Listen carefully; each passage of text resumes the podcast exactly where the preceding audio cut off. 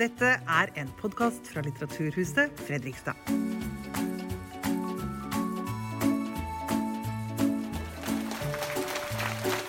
Ja, eh, Hjertelig velkommen eh, hit til Litteraturhuset Fredrikstad. Eh, mitt navn er Roy Andersen, og jeg er daglig leder her. Eh, det er veldig fint eh, å kunne ønske Per Petterson velkommen tilbake hit til Litteraturhuset Fredrikstad. Det er jo nå snart eh, fire år siden vi sist så ham her på scenen. Og Det var i november i 2018. Og Da var han aktuell med romanen 'Menn i min situasjon'. Og P. Petterson er jo da en av Nordens mest eh, internasjonalt anerkjente forfattere. Og han har gitt oss eh, som dere vet, for fortellerkunst på sitt aller beste. Og Petterson har gitt ut uh, ni bøker og har oversatt til over 50 språk. Og Det store internasjonale gjennombruddet hans kommer jo, uh, som også mange vet, med romanen 'Ut og stjele hester'. Og Noen av romanene til Per Petterson kan jo minne om hans eget liv.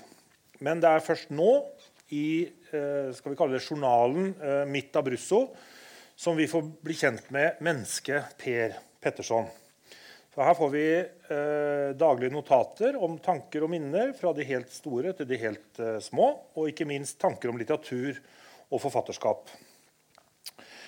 Og kanskje, men bare kanskje, så blir det også et punktum i forfatterskapet hans. Selv sier han jo at denne boka er skrevet ut fra en desperasjon etter nettopp å kunne skrive. Og til Aftenposten så sier Petterson jeg er ferdig med skrivingen med skjønnlitteratur. Det føles i hvert fall sånn. Det er Tone Selbo som leder kveldens samtale. Tone er professor i allmenn litteraturvitenskap ved Universitetet i Oslo og har skrevet flere bøker selv. I 2016 ble hun eh, faktisk kåret til en av, en av Norges mest inspirerende forelesere av Morgenblad. Og Tone er jo også fra Østfold, eh, nærmere bestemt fra Halden. Så da er det ekstra hyggelig at hun kommer hit til oss. Vi gleder oss. Velkommen på scenen Tone Selbo og min favorittforfatter Per Petterson.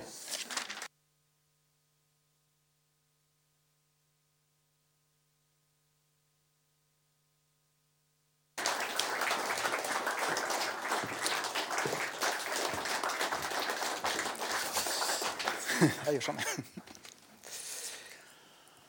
Ja. Bra. Da er det bare å finne fram. Så på leppestift, tror jeg.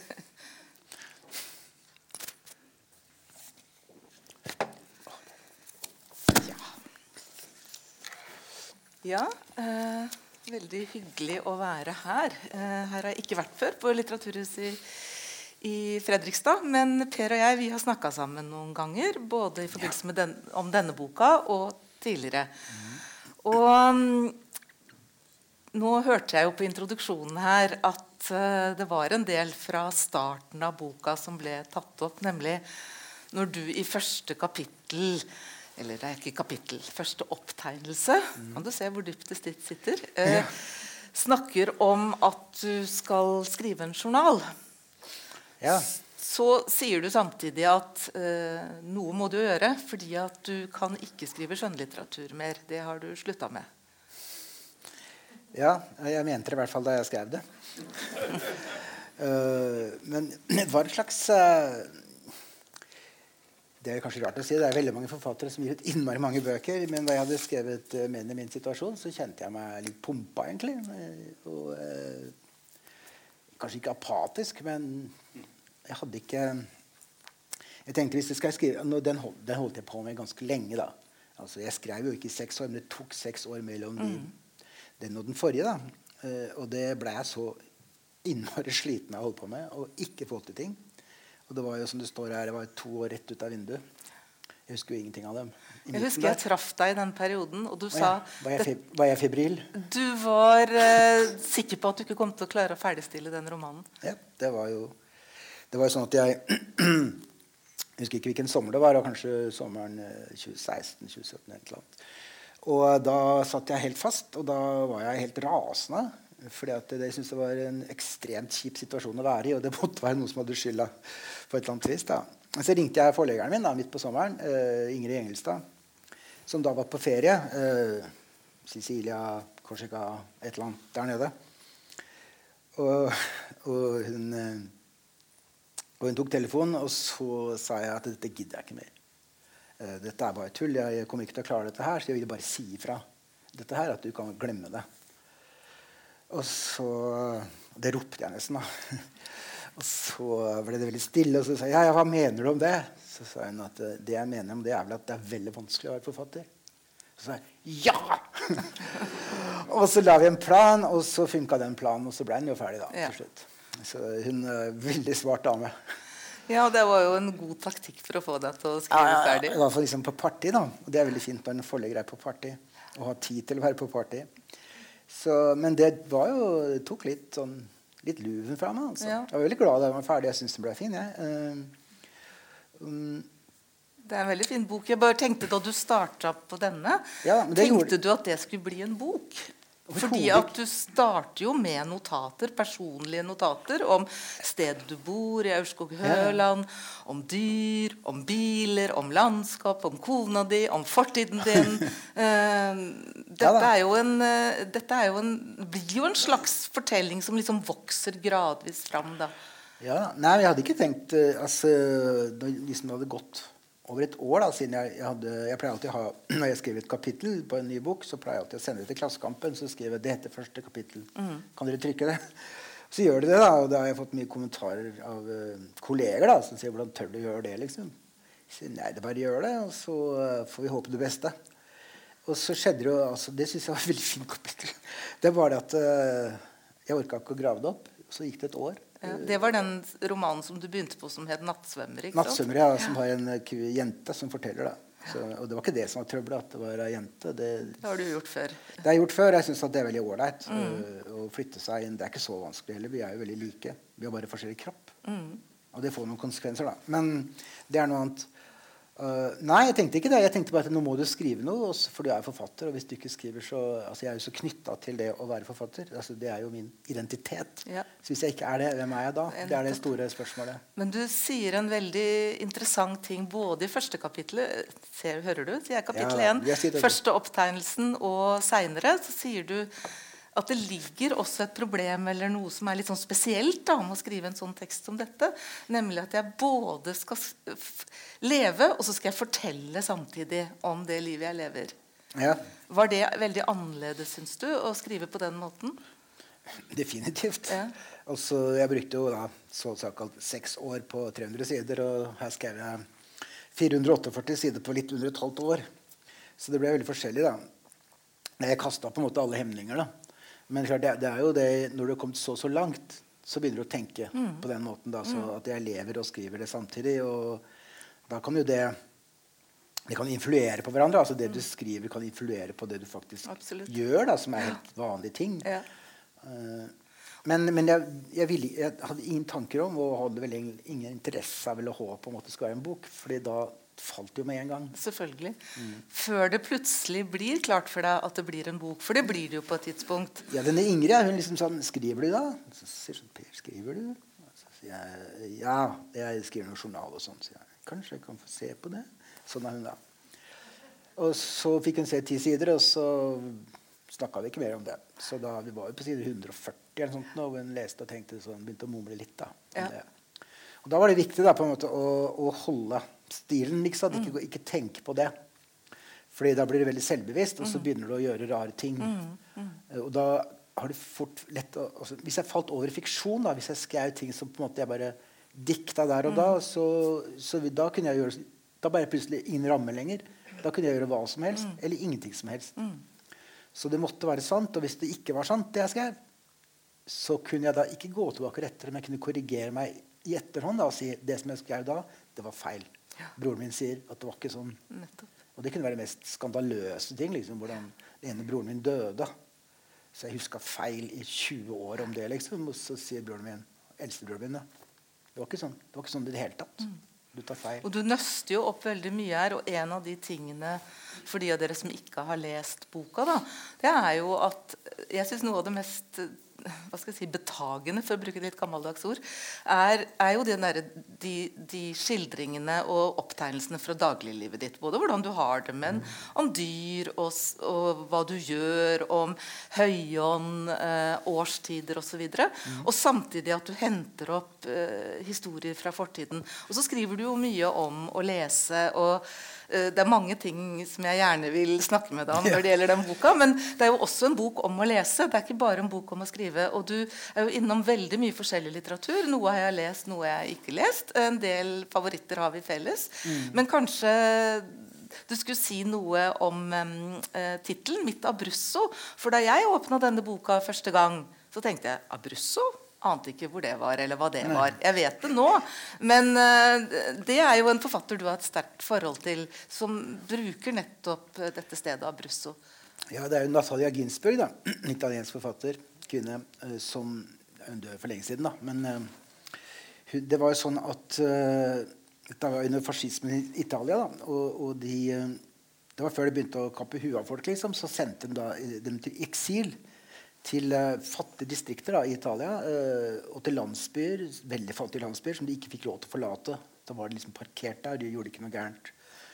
Uh, og Natalia Ginsburg og familien hennes, mannen og barna, de ble da sendt til Abruzzo, som var et av de absolutt fattigste områdene i Italia. Da.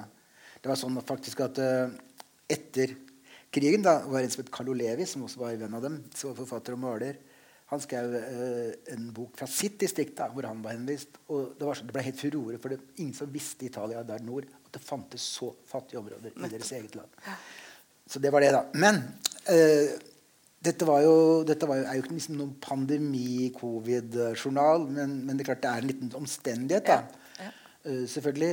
Og på et eller annet tidspunkt så fikk jeg liksom ikke treffe folk. Altså Jeg kunne gå hvor jeg ville, hvor langt jeg ville, men jeg så jo ikke folk. Og jeg kunne ikke dra inn og treffe barna mine eller barnebarna mine. Og da føltes det som om denne dalen jeg bor i, er mitt Abruzzo. Mm. Ikke sant? Så, og da, da, var jo det tittelen med en gang. Det, det, men det ligger jo da liksom en sånn, litt sånn eksilerfaring i det, da. Du ja, skriver jo mye om hjem og hjemløshet. 'Jeg lengter alltid hjem', skriver du ganske tidlig i boka her. Jeg gjør det. Eh, men, eh, og jeg har jo bodd samme sted nå, i denne dalen som beskrives her. da, 30 eh, år snart. Ja. Hvilket jo er litt science fiction for meg. Men noen ganger så kommer jeg kjørende hjem fra Oslo, kanskje, og så plutselig så slår det meg Hvor er det du skal nå? Uh, da er jeg på vei hjem, da. Ja. Og så tenker jeg sånn Ja, men jeg skal dit. Det kan ikke stemme. Og dit bor du fordi, fordi, at Pia er der? Ja, ja, ja, ja. Det er det. Jeg bor der fordi hun bor der. Der bor du, mener jeg. Så, sånn sett så er det er jo mitt hjem, da. Men noen ganger så tenker jeg liksom at hvor er mitt hjem? Så har jeg ikke noen alternativer, da. Så da må det jo være der, da. Så, Men du gjør jo mye annet enn å skrive. Og det også er et veldig viktig sånn ting du beskriver, er jo arbeidet. Og du er jo en av de norske forfatterne jeg kjenner som er best å å skildre arbeid og rytmen i arbeid og gleden ved fysisk arbeid. Når du, du skriver, og, og, når du ikke skriver, så skriver du ikke. Du har et veldig sånn skarpt skille mellom det, sier du. At eh, du mm. hører ikke til dem som ikke vet helt om du skriver eller ikke skriver. Enten skriver du, eller så skriver du ikke. Ja. Men, men, du har jo hele tiden det fysiske arbeidet, og det får også stor plass her. da. Ja, altså Fysisk arbeid tar jo mer plass enn å skrive. Ja. Både i tid og, og, rom, holdt jeg på å si. Uh, det var jo Kjell Askelsen. Han var jo veldig rar sånn. Jeg spurte skriver du Kjell. Så tenker han sånn, så sier han ah, jeg tror det. Og sånn var det jo ikke for meg, da. Nei, men uh, da jeg flytta dit hvor jeg bor nå, så har jeg jo begått fysisk arbeid uh, da, i snart 30 år. Og jeg kunne jo ingenting da jeg kom dit. Jeg føler at jeg ikke kan så veldig nå heller, men jeg har gjort veldig mye da. Og, og jeg er blitt veldig glad i fysisk arbeid. Mm. Og eh, jeg tenker også at du må gjøre det, for hvis du blir så gammel som jeg er nå, eh, og har tenkt å bli litt eldre, så bør du ha noe å, å møte det med. da. Ja. Ikke sant? Så, det er ikke så derfor har jeg blitt veldig opptatt av det. Ikke sånn veldig trening, og sånn, men man kunne gjøre ting. da. Mm. Og uh, Høyånda sånn som det var før, hvor du hesja og ikke mm. bare det var noen som for over med en traktor, det var jo yndlingsjobben. da. Det er en fantastiske beskrivelser av Hesjing her, og jeg har sagt det til deg før, men vi har jo en felles eh, fascinasjon for Tolstojs Anna Karenina. Og, og, det minner meg Du er den som kommer nærmest i å beskrive den rytmen som beskrives der når Levin er ute på, på, med arbeiderne på, og driver høy, høyånda og er med og slår uh, høyet. Uh, og det, du, har jo, du skriver, har jo en lignende beskrivelse faktisk i 'Jeg nekter'. Har du en sånn arbeidsbeskrivelse av disse to ja, gutta? Det var jo også inspirert av litteratur. da. Fed hadde jeg sånn kjempekick på D.H. Lawrence 'Regnbuen'. Og der, eh, jeg husker ikke akkurat alt, men altså, der er det et ungt par som er ja, De har akkurat vært hjemme og fått liksom velsignelse av den ene familien. Så skal de gå over markedet da, til, til, den andre familien. Og så på vei over der så kommer de over at bøndene holder på, har kommet sånn halvveis i et arbeid med å lage sånn kornaks. Mm. ikke sant? Og så ser de at det har de gjort, og det skal de gjøre. Og så ser de på hverandre og så sier vi gjør det. Og så begynner de å jobbe. Mm. Bare sånn er rein overskudd. ikke sant? Fordi eh, ja, det er en slags forelskelse. Det er en slags sånn, sånn, en liten rus. da. Og i 'Jeg nekter' så var det jo disse to vennene, da. Tommy og Jim. Ja. Som har vært på fest. og Kjempekjedelig fest. og Ingen damer er invitert. og det er bare tull. Så de sitter og røyker. Og så uh, tenker nei, vi går hjem. Så skal de gå ganske langt hjem. da. Mm. Og så kommer de så og så langt, og så ser de at Televerket holder på å grave ned kabler. Ja. Og har kommet så og så langt. Eh, og så stopper den grøfta. da, De skal fortsette dagen etterpå, og de ser på hverandre. Faen, vi gjør det.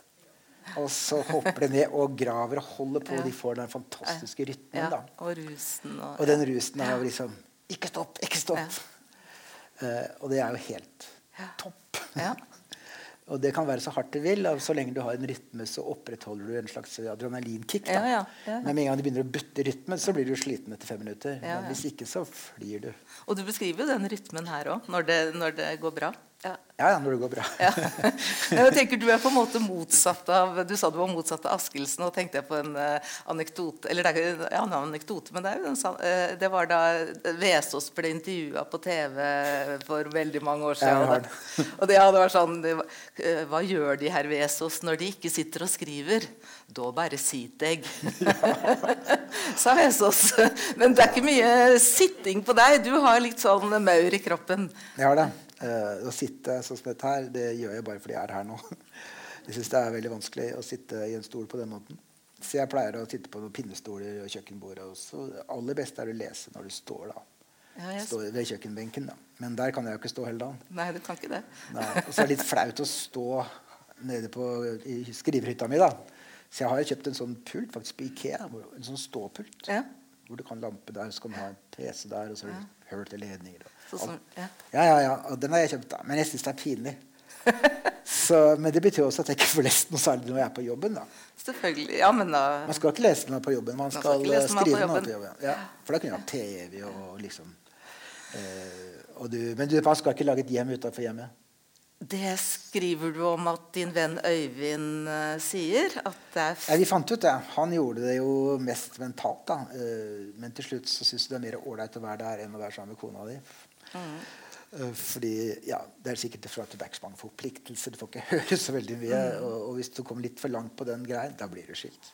Sånn er det. Så det blir liksom Den dårlige siden av å ha et eget rom er at det blir for eget? Det blir for eget. Ja. Jeg har jo sett, jeg var hjemme hos en uh, irsk forfatter som heter Dermot Healy. Mm. Skrevet en veldig fin roman som er oversatt til norsk, som heter 'Bukkesangen'. Vi var hjemme hos han der på besøk, og han hadde et arbeidsrom som var liksom 1,5 meter dypt. Og det var bare en hvit vegg. Og der skrev han innmari mye. Ja. Og det så ut som tortur.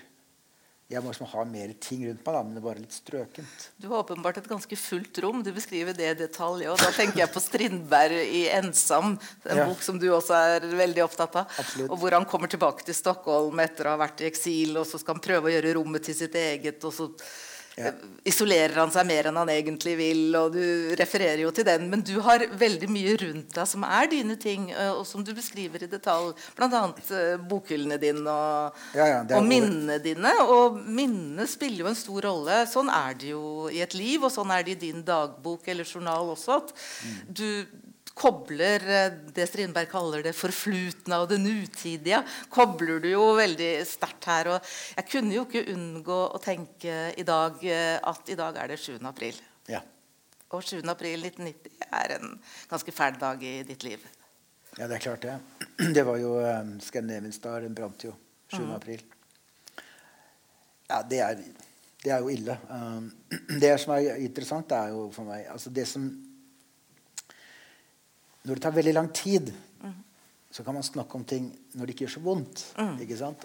Og, det har jeg kunnet lenge. Ja. Så jeg kan godt snakke mye om det, og jeg skriver jo mye om det også. Ja. i boka, Men det var egentlig ikke meninga. Grunnen til at jeg skriver mye om det, er fordi at jeg blir pirka borti fordi jeg har sagt dessverre ja.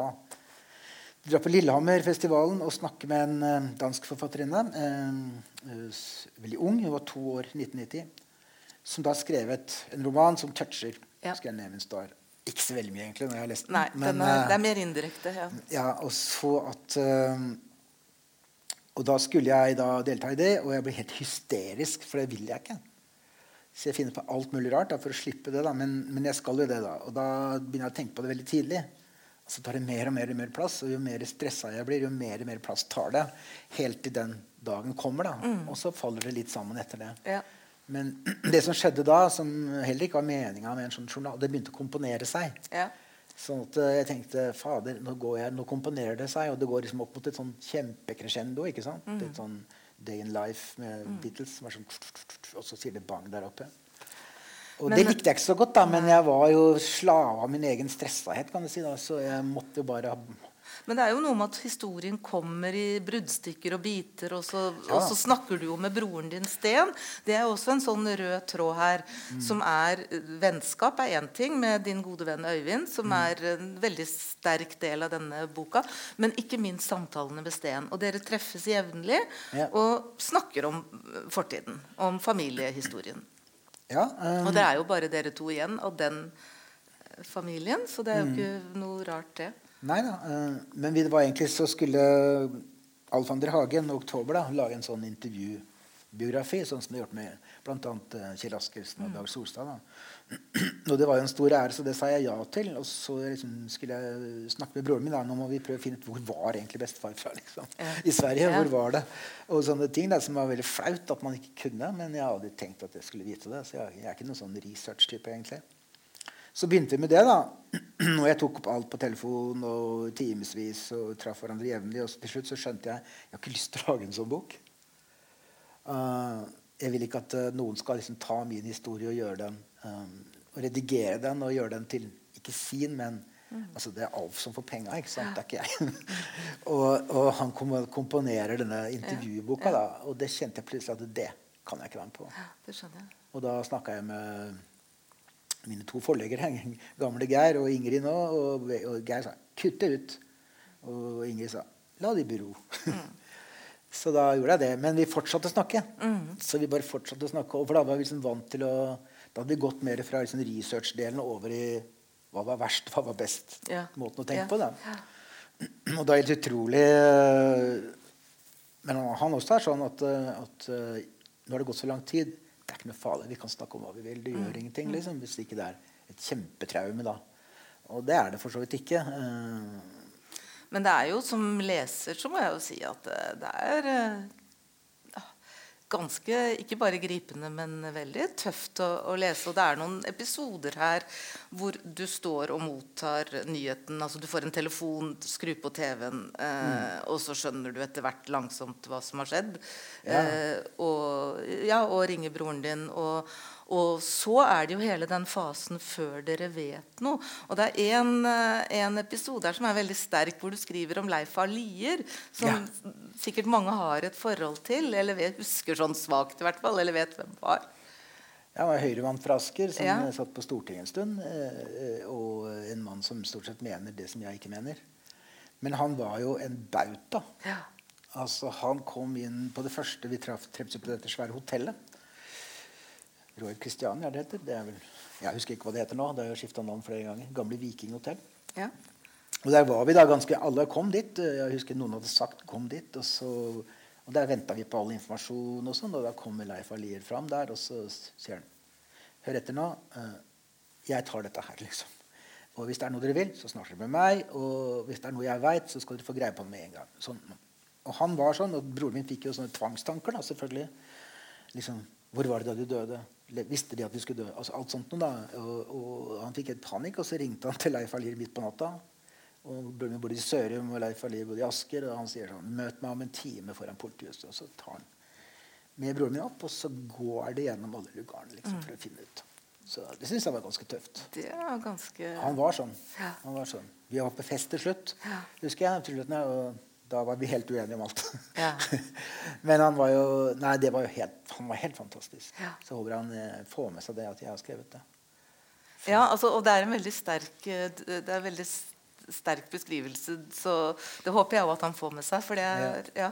Eh, Men altså, apropos familiehistorien din, så vi må jo snakke litt om din danske forbindelse. Altså, eh, moren din var jo dansk. Mm. Og jeg lette etter spor av ditt danske eh, i ditt, eh, i ditt eh, bokmål. Det var ikke så lett å finne. Nei, nei. Bortsett fra ett sted. Da står det et eller annet Jeg kan jo ikke Du venter på vaksinen. Hvor når skal jeg få vaksinen? står det plutselig. tenkte jeg Der hadde, hadde, hadde vi det danske sporet. Men, eh, men eh, du skriver jo mye om moren din. Du Ja skriver mye om mamma. eh, og, og hun er jo åpenbart eh, viktig. eh, og gjør veldig inntrykk på en leser òg, de historiene Ja. du forteller. Eh, Ja, hun var jo en ekstremt sånn eh, tilstedeværende person. Ikke at hun gjorde noe for det, men bare var der. Og eh, hun var jo en veldig intellektuelt anlagt person. da. ja. Eh, og når du, jeg så karakterkortet hennes fra middelskolen. da, Hun vokste opp i Fredrikshavn.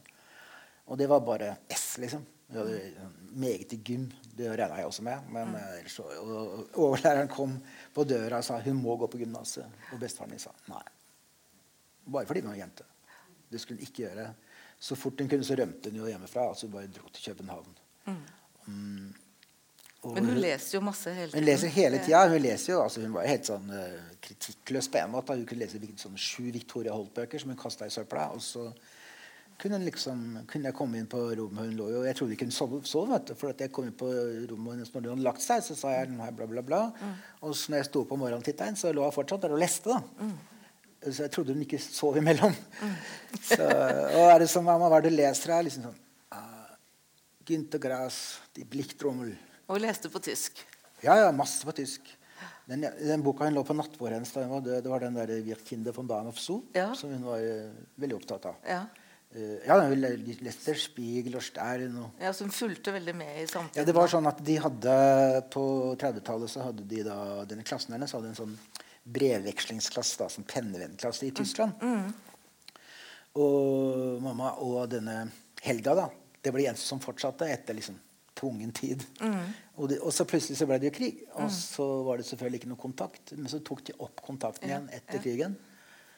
Og da viste det seg ganske fort at hun bodde i Øst-Tyskland, Ja. i Magdeburg, så det var ikke så lett det der da. Nei. Men uh, mutter'n reiste ned da, iblant, eh, og fikk det når det ble mulig. da. Ja. Så reiste hun ned og besøkte dem. Eh, men hun, eh, altså hun leste jo biblioteket rett ut. altså Hun hadde jo lest alt. Mm. Du er jo også opptatt av dansk litteratur. og du er jo, Ja. Jeg tenkte senest på her for et par dager siden da jeg s- leste boka di igjen Er det noen som leser 'Det forsømte forår' av Skjerfig lenger, f.eks.? Er det sånne ting som du fikk fra moren din, eller var det, leste du helt liksom Kom det inn impulser andre steder fra? Stort sett så gjorde det det, men uh, akkurat den leste jeg Mm. Ja. av henne. I det hele tatt leste jeg Ja. fordi hun uh, syntes at det var bra. da, Og Ja. Forsømte forhold syntes hun var helt topp.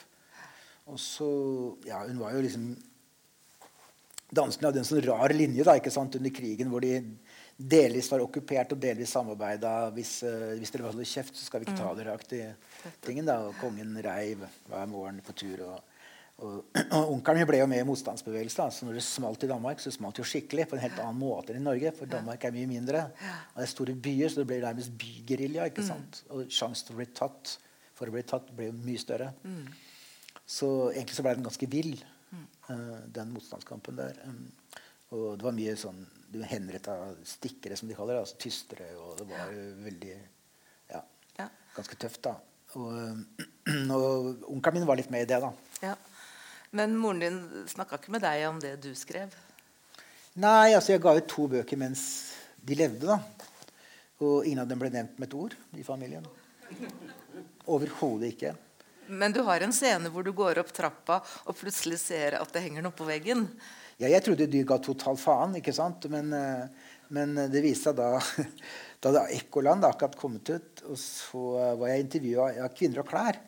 De hadde jobba i Alderstrykkeriet i fem år. Og de ga jo også ut Kvinner og klær.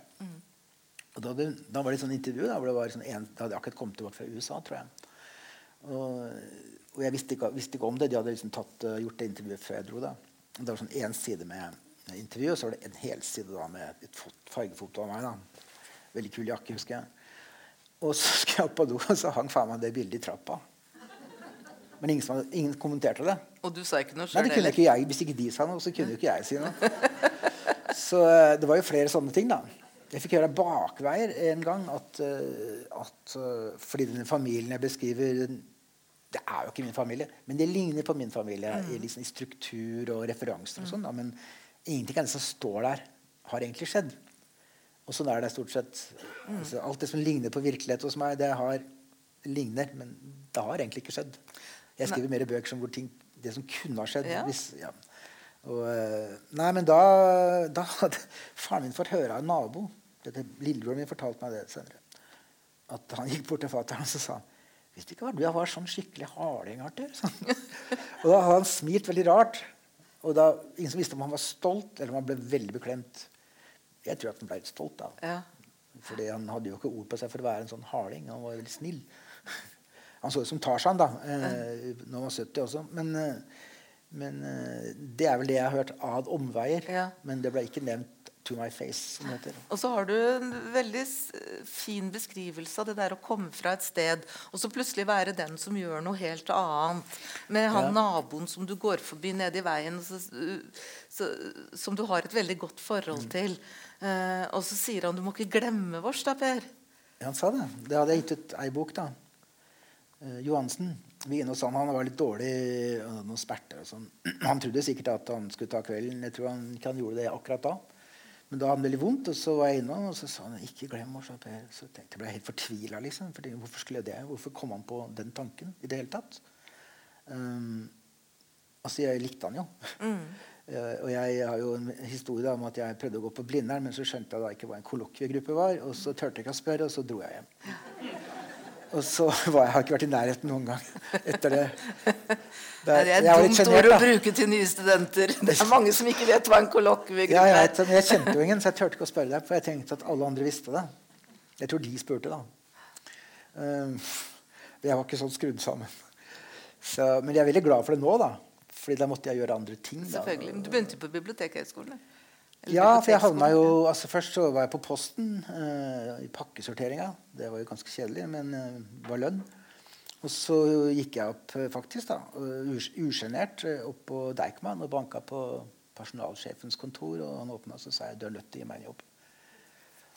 Og så så, så lo han. Ja, ja, vi har en halv stilling til deg. På tilvekst, heter det da. Eh, Det var der man kjøpte inn bøkene. Det som ikke var liksom, i hundre stykker, liksom, men Ja. alt annet dansk. alt sånt noe. Ja. Og, der hadde jeg, og da så søkte jeg liksom derfra. da. Det var veldig fin, eh, veldig fin, eh, fint å jobbe på. Det, er sånn. det var veldig hyggelige folk. Blant annet så jobba jeg der ved siden av mora til Nils Fredrik Dahl, altså Grete Dahl. Som jo, men hun var sjef for hele den gamle samlingen. Deichman-samlingen. liksom. Men hun hadde kontor ved siden av Det er jo veldig fin den boka han har skrevet om. Ja, Morsen. det er så- fin. Mor Den er så fin. Ja. Så ja. Men du skriver jo om en del sånne Det er jo en del sånne episoder hvor du føler at Oi, her kommer jeg fra et annet sted. Her hører jeg ikke til. Det er jo også en del av historien din her. Og du skriver jo om reiser. Og du skriver om oversettelser og, og liksom problemer som oppstår med folk som du har kjent ganske lenge, og du har vært vant til å jobbe med, bl.a. når er det menn i min situasjon skal oversettes til Ja. engelsk. ja. Jeg laget helsike for dem, selvfølgelig, men, men det var jo ikke bra. Så, jeg, det første boka som kom på engelsk, altså 'Til Sibir', da, da var jeg ikke helt fornøyd, så jeg la meg litt oppi det. Og så det syntes de for så vidt var greit. Og så la jeg meg mer oppi neste, og når 'Utestjerne hester' kom, eh, da den var så jævlig dårlig engelsk at jeg ble helt fortvila, for den ligna ikke på min bok. Nei. Og forleggeren min sa det er kanskje ikke boka di der. Jeg syns den er ganske fin. Det er kanskje ikke din bok, egentlig. Nei, det er ikke det, sa jeg. Og da satte jeg meg så jeg skrev jo om hele tiden. Uh, og det, jeg ble så deprimert av det. ikke sant? Du sitter aleine og stryker over og fører inn uh, i månedsvis. Uh, og du hadde jo ikke noen sånn retteprogrammer eller Nei, nei. Ja, Det er jeg glad for, da, for de skjønner jeg ikke noe. Uh, Så, så jeg liksom hadde sånn feit skrift, det som skulle være, og så strøyk jeg hverandre. da. Og det lønte seg jo, men jeg var et halvt år med å holde på med det. Og han sa jo ingenting. Han bare tok imot uten å si noe. Så det var jo gratis arbeid. Men eh, det er klart at det var smart gjort. Eh, Og det er nok lurt. Du er jo god i engelsk. Jeg har hørt deg på BBC. Eh, Ja. Det var imponerende, det. Du, okay. Det er ikke så mange norske forfattere som snakker så bra engelsk som deg. Så det, ja. Men og, altså, når det er min roman Jeg veit hvordan det ikke skal være. Så er det ikke alltid så like lett å finne ut hvordan det skal være. Da, eller hva som er best. Det er jo mange ting som er riktig, liksom. Men, men de skjønte ikke rytmen. Nei. Det er sånne ting. da, Og Ja. det var veldig veldig fortvilende. ja. Du, så jeg har blitt verre og verre med det. da, og Ja. Nå er jo jeg skikkelig pain in the ass. Så det er jo best at jeg ikke skriver så mye mer. egentlig. du hadde jo en erfaring nå ganske nylig med ditt amerikanske forlag som du var veldig glad i. Jeg er veldig glad i dem. Ja. Grey Wolf de plukka meg opp uh, med utestjålne hester. Eller det var noen som hadde i kjølvannet først, og så tok de den. Og det gikk veldig bra. De trodde de skulle selge 4000 før jul, og så solgte de 40 000 før jul. Det var jo helt vanvittig. Eh, og jeg har vært veldig glad i den, veldig glad i den forleggeren. Eh, også, men så leste de da førsteoversettelsen, da, ikke eh, av, av menn i min situasjon. da. Og så fikk jeg et jævla rart brev. altså Det var sendt e-post. da. Det var sendt via det engelske forlaget. Og så, men så sendte det ble, De bare sendte det videre til meg, men de sendte ikke med liksom, følge-e-posten. Så jeg fikk bare dokumentet, og der var det sånn dum, dum, dum. Dette kan du ikke skrive. Dette kan du ikke skrive. Det er bedre å gjøre sånn. Du må gjøre oppmerksom på det. Altså, det var helt vanvittig. Og jeg viste det til forleggeren min, Ingrid, og hun sa dette er jo veldig respektløst. Ja, for dette var sånn identitetspolitisk Voldsomt, såkalt. eh, At Ja. du var en, at eh, hovedpersonen mener at han, han leker indianer, og det kan du ikke som hvit gutt. Nei, han, sa, han skriver at uh, forskjellen på han denne Arvid Jansen og mange, altså, han, Jeg syns det er stor forskjell, og han er enig med meg. Og så sier han at jeg vil jo ikke leke indianer, jeg vil være indianer. Og da får jeg sånn En hvit gutt kan ikke være indianer. Du må gjøre oppmerksom på at som bedre, han vet bedre, som voksen. Og da må du skrive det. Og der ble jeg liksom Hva faen?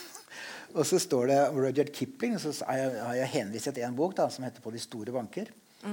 Eller 'Captain's Courageous'. Og så får jeg henviser til den bortskjemte gutten som eh, pappa sender fra USA til å gå på kostskole i England, så han får lære seg å oppføre seg. liksom, Og han ramler da i havet, ikke så innmari langt fra amerikanske kysten, da, og blir plukka opp av en fiskebåt. da. Og så har jeg en ting om det. Som da Jansen mener at da, hvis han hadde gjort det, så hadde han ikke blitt plukka opp, for han hadde ikke så mye penger. Eh, Så da hadde han blitt drukna. Men da får jeg greie på at da må jeg også gjøre oppmerksom på at dette er en kolonialistisk forfatter. Enda det er jo ikke Det har ingenting med det, med det, det å gjøre. Han skrev jo selvfølgelig altså, 'The White Man's Burden' og en del sånne ting. da, men, men jeg kan ikke dr- dra inn liksom hele litteraturhistoria for å rettferdiggjøre et navn. Uh, og sånn holdt de på. Jeg kunne ikke skrive uh, 'There was a party for Africans'. liksom. Det, jeg måtte si, Hvilket land var det? Ikke så, altså, jeg må si, det, er, det er ikke sånn American Negro. Altså, det er ikke sånn. Det er ikke Black American, det er ikke Black Norwegian, som liksom halve befolkninga. Det er liksom, så og så mange i Oslo som kjenner hverandre, så har de en fest. Ja. Nei, det gikk ikke. Så kunne jeg ikke gjøre det. Men du fikk De ble litt flaue, gjorde de ikke det? Eller de, Nei, de ikke- var de i skvis, eller Nei, de, nei jeg, jeg, så sa jeg liksom sånn Resten gidder jeg ikke kommentere engang. Så det går ikke an. Uh, det var mange sånne ting. Da. Og det var, uh, altså jeg skjønner jo da er, De er jo de, bo, de holder til i Minneapolis. Ja, de er i skvis, vet du. Og det er jo der Black Lives Matter starta. Da. Så det er jo selvfølgelig De går litt stille i dørene. Uh, men ja, jeg syns det var litt spesielt. Og noe av det var Ja, de skrev f.eks. at uh, han, han er jo hypokonder, Jansen. Litt sånn som meg. Og uh, han er så redd for å bli sjuk av en sjuke som kanskje kommer med et skip da, fra, fra Afrika eller Sørøst-Asia, eller annen sånn farlig sykdom som kommer der. Da. Uh, og, og, og da får jeg sånn er det bare derfra det kommer? bøker? Er det ikke sykdom i Norge? Det, er, det der, er det Afrika det er sykdom? Bare. Og så må jeg, de syns jeg skal gjøre om på det. da. Eh, og da sier jeg, for jeg å forklare at Norge er en sjøfartsnasjon. veldig mye er sjukt at det har kommet via skip osv. osv. Men det, Men hva gjorde du? nei, ikke, der gjorde jeg ingenting. Da ble jeg forbanna. Ja, men det var noen endringer du gjorde? Var jeg gjorde Jeg gidder ikke å si det, for det er flaut å si det. Jeg, faktisk. Men det var en som jeg var enig i. Ja. Altså, det var denne festen for afrikanere der, hvor jeg måtte skrive til nigerianere. tror jeg. Altså, det var helt håpløst. For det var jo ikke det. Det var fra Kamerun. og Niger. For jeg har vært på den festen, skjønner du. Og jeg var akkurat så full.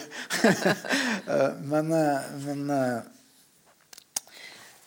Nei, det var Nei, jeg retta på et par saker. Ja, Det gjorde jeg. ja. Men så var det den, etter den afrikanske festen så blir han hivet inn i drosje, ei dame som sjekker han opp. da, Så drar de ned, og så stopper hun foran en kiosk, så kjøper hun kondomer. Og så kommer hun, så sier hun, så legger hun det, Dette var det eneste de hadde, sier hun, og det var blackjack. da. Sant? Den gikk ikke. Den gikk ikke. Det skjønte jeg. Så da huska jeg den serien. Da, så var det noe som heter Green Mamba. Så jeg skifta til det. da. Men jeg syns det var litt snertent. da. Ja. Og ingen, ingen i Norge, ingen i England faktisk, Nei. kommenterte Nei. noe av det. Men ok. Ja. Var det nå én ting til jeg gjorde, da? Det kan du få lov å holde for deg sjøl. Ja, det er så pinlig. Du skriver jo et sted at du var et nervøst barn, jeg var en nervøs ung mann, og nå er jeg en nervøs eldre mann. Og det er jo mye om alder her også. Ja. eh, og dette med å, ja, å bli eldre og frykte hva man har igjen, og hvordan livet skal bli framover, og, og hva, hva har jeg tid til å skrive. Men, men, men det betyr jo også at eh, episoder fra barndom og ungdom og sånn kommer tilbake igjen. Og du s- har jo noen forferdelige beskrivelser av eh, ja, jeg vil si nesten eh, mishandling som du ble utsatt for som barn. Men nå viste du meg rett før vi gikk inn at du hadde en av de som virkelig ikke oppførte seg bra mot deg da du var gutt, har rett og slett tatt kontakt og bedt om unnskyldning nå. Ja, nei, jeg eh, Det var litt det måker snø, ikke sant? og når det er veldig tungt, så blir jeg ofte litt sint. Og så baner jeg for meg sjøl, og så begynner jeg å skjelle ut sånne folk inni meg. Som Ja, og det beskrives jo ja, ja, og alle slags folk. da, og Anmeldelser som var kjipe, og altså alt mulig. Og helt tilbake så langt jeg kan huske. Og da var det, Jeg var på Høvringen, da, det var sånn, i Rondal, en sånn leirskole som veldig mange dro til. Eh, og da var jeg 13 år.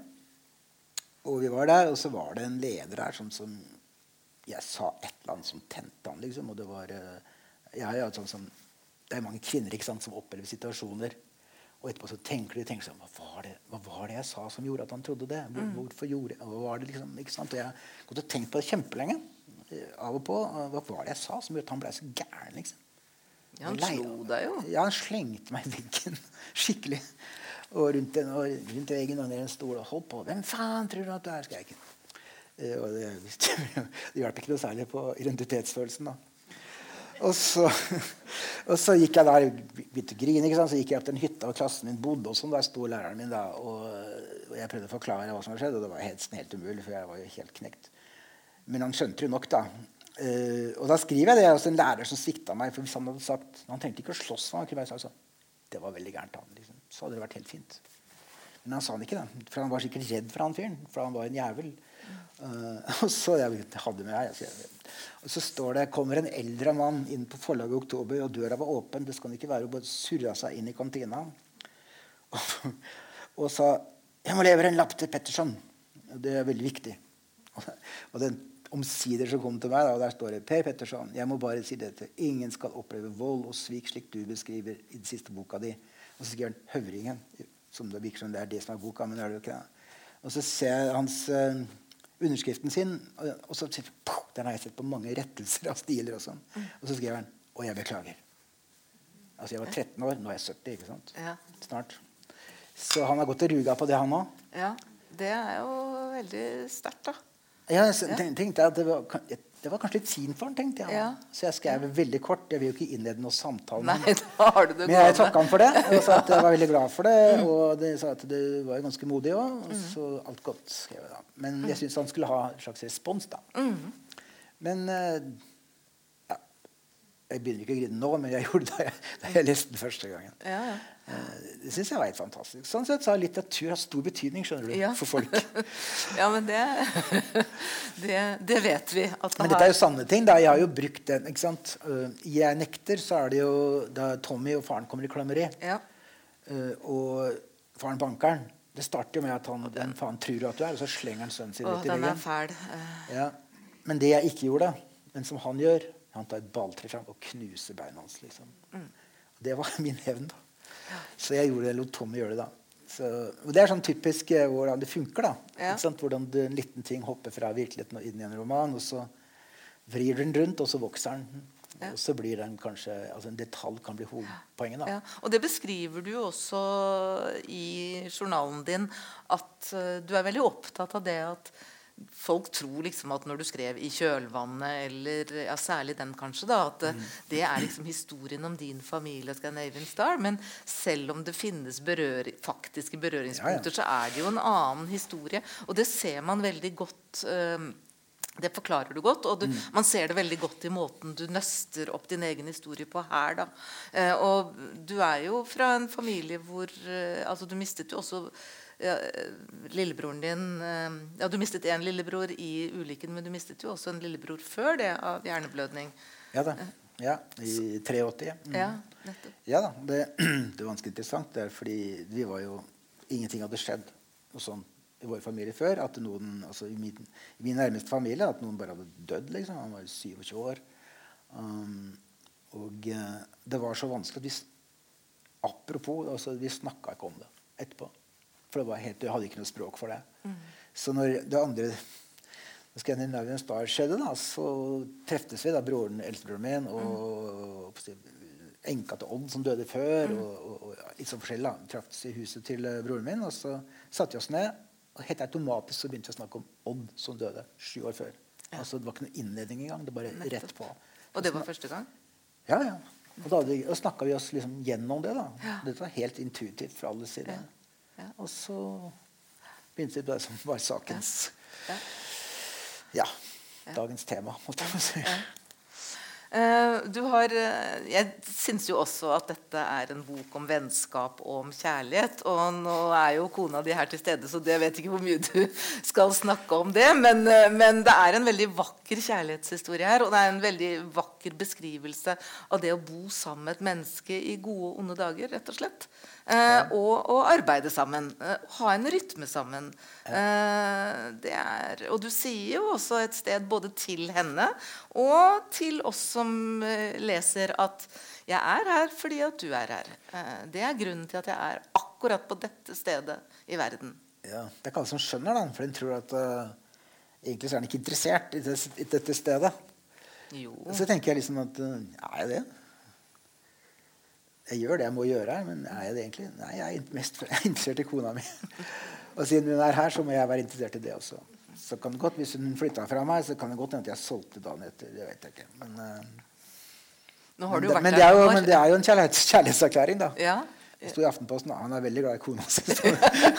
og hvis det sto i Aftenposten, så må det stemme. Det stemmer. Ja, det. Nei, men det er jo klart, det. Altså, det har vært så lenge, og vi har jobba så mye sammen fysisk. Og, så det er jo spesielt med det, altså. Og du gjør det ikke så ofte som vi gjorde det før, men når vi gjør det, så er det liksom akkurat som i gamle dager. Ja. ja. Det er jo litt interessant når man leser gjennom fra eh, Ja, den begynner jo 20. januar, ja, eh, og slutter 18. juli på din bursdag. Eller det vil si, det gjør den egentlig ikke. Du jukser litt på slutten der, da. Eh, for Ja, men jeg har- sier fra at jeg jukser, da. du sier fra at du jukser, så derfor så vet jeg det. Men det er jo egentlig en veldig fin sånn bue fra at du begynner her hvor du er nå, under en pandemi. Eh, I din dal, i ditt hus, i din skrivestue. Og så tar du oss med på en reise gjennom på mange måter ditt, deler av ditt liv, og det du leser, og det du tenker og assosierer, og alt mulig. Og så ender vi i Danmark eh, på slutten. Og faktisk ender 22. juli, så det er jo en annen sterk dato i norsk historie. Ja. Jeg Um, bemerker jo det. Ja. Og du har hytta di i Danmark. Den betyr mye for deg. Ja, altså, altså Mutter'n kommer jo fra Fredrikshavn. da. Ja. Bestefaren min var møbelsnekker, og bestemoren min var veldig kristen og hadde en melkebutikk. Veldig liten melkebutikk. Uh, så det er jo min barndom. Vi dro dit, var dit eh, to måneder i året. Uh, det redda meg fra Huda i Hude feriekoloni. ja, skikkelig òg. Så vi var jo der, vi var der sånn, så lenge at du nesten, når du kom hjem, så huska du nesten ikke hvordan det så ut. Um, men vi, vi, til å begynne med så bodde jo da i dobbeltsenga til bestefaren min. Eh, De flytta ut uh, på stua, en liten trekkoppseng. Og så bodde vi der til Odd kom. Ja. Og da, da gikk det ikke lenger, for da var det ikke plass. Så fikk vi tilbud om å kjøpe en liten dritthytte litt nord for byen. da, Som var bare sånn eternittplate med tapet på innsida. Liksom. That's it. Uh, og ikke noe strøm. Men der var vi i to måneder. Vi hadde det så innmari fint. Uh, og vi var veldig knytta til det, og barna mine er veldig knytta til det. For det er liksom bestemors sted. Ja, Da, hennes ja. natur. Da. Så uh, jeg har vært veldig lenge i landskap som er, går den veien, og ikke den veien. så du får det hele, da. Og det er jo Ja, Nå er det jo et sted i, i verden hvor også landskapet går den veien, så Ja. det passer jo bra. ja, sant nok. Nei da, men det, så det har vært veldig viktig, og det har jo ført til at jeg har skrevet eh, flere romaner som enten foregår helt eller delvis der. da. Mm. Fordi jeg føler meg jo ekstremt hjemme der. Og, Ja. Og Du beskriver jo også en sånn veldig fin sykkeltur her på slutten i dette landskapet. og Da tenker jeg bare å, det må ha vært mye motvind på den turen. Men, og så kommer du tilbake og så avslutter du liksom journalen. Og da vet du jo at det blir en bok. Og du skriver veldig fint et sted, eh, eller flere steder faktisk, om betydningen av bøker. Ikke bare som litteratur, men som bøker. Som objekter. Som fysiske objekter. Og dette har jo også blitt en veldig vakker bok. Det er jo veldig mye jeg kunne tenkt meg å spørre deg mer om sånn bilene dine, f.eks. Denne forsiden av eh, med, med fuglen er jo utrolig vakker, og det er jo Det er det som eh, tidligere designeren på. Oktober kalte 'art by accident'. Ok. Ja. Dette er altså en bokfink som bikkja mi drepte. Og så lå den på tunet, og så tenkte jeg å ta bilde av den. Jeg er litt pervers sånn, da. Så, men det var så dumt rundt den, liksom, så jeg la den opp et sånt kafébord. Da, sånn blankt, eh, grønt kafébord, metallbord. Jeg tok bilde av den der, og det var jo total match. Og så designa dattera mi boka. Og så, ja, og bikkja mi er også akkreditert her da, inne. Som ak akkvisitør. Eh, Freia. Eh, så, og vi bestemte, jeg og Mona, da, dattera mi, at eh, den skal ha akkurat den formen. Og så skal den være akkurat så tjukk. Og det ble den. Så, Det er jo blitt en veldig altså sånn, som, som, som bok betrakta. En veldig, Ja, veldig fin, vakkert eh, satsspeil også. Ja, veldig. og så er det en sånn sånn font da, som hun og jeg har funnet ut at den skal vi ha. Den skal dere ha. Ja.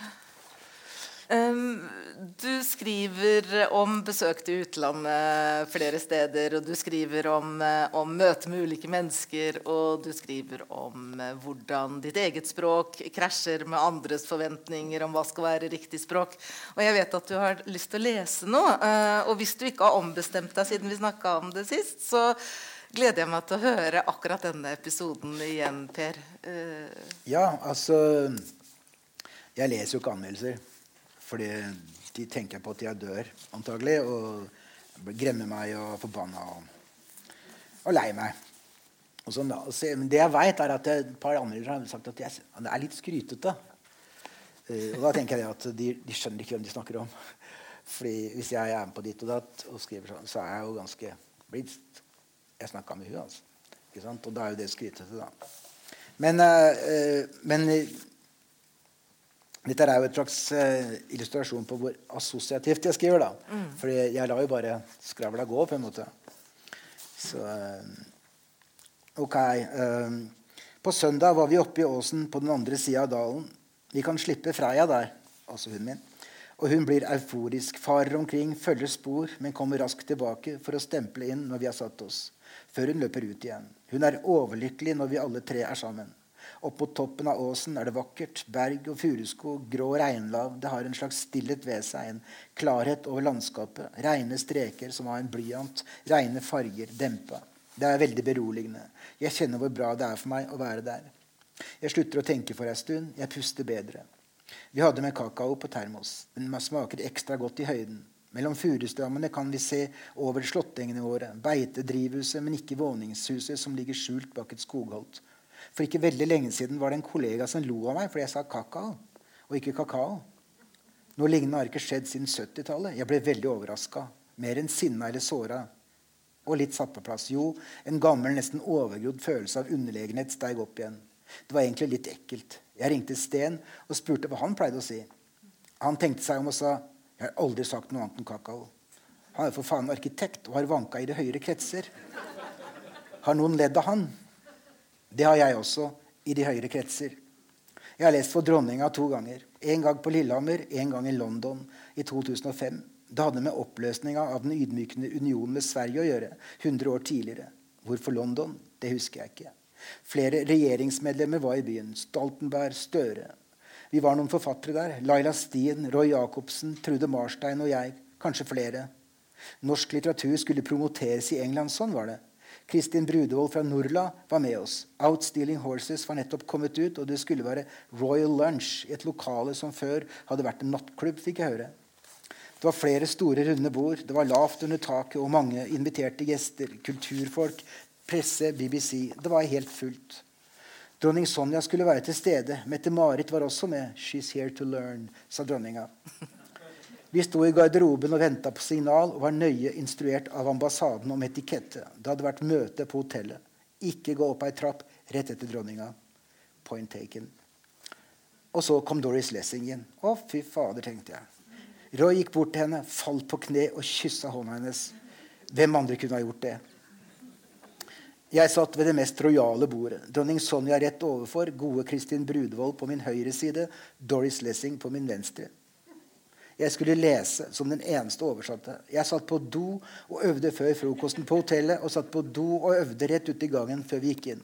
Det var en jævlig vanskelig setning midt i. There were whisks of mist on the water. Først holdt eh, forleggeren min Christopher tale. Mikrofonen skrapte, og lyden slo rett ned fra det lave taket. Ingen skjønte noen ting, men det skjønte ikke han. Så var det dronning Sonja. I think I will do without the microphone. Det var mye bedre, og hun var dyktig. Doris Lessing hviska i øret mitt This is not what was going on in here in the 50s and 60s. to år etter fikk hun nobelprisen. It's too late, sa hun da. Jeg var så nervøs. Kristin holdt meg i hånda og klemte den før jeg reiste meg. Jeg tok en sjanse og sa I will do like my queen and not use the microphone. Jeg leste, og da jeg nærma meg midten, var det som i tango for to. Og så kjem det jeg ikke kan. Men det gikk bra. Nå var det ingen som lo, ifølge Prøysen. There were whisks of mist on the water. Oh yes. Jeg satte meg, og Doris klappa meg på armen og sa You did good. BBC ville snakke. Laila og jeg gikk ut i gangen. Det ble en del politikk.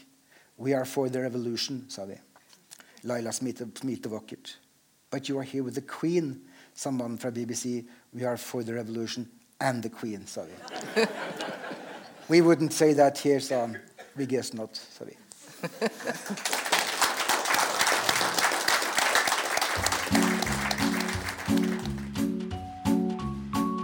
Du har hørt en podkast fra Litteraturhuset Fredrikstad. Vi er støttet av Kulturrådet, Fritt Ord, Fredrikstad kommune, Fredriksborg eiendom, Viken fylkeskommune, Sparebank1 Østfold Akershus, Verksted AS, Fredrikstad Energi og Handelsbanken.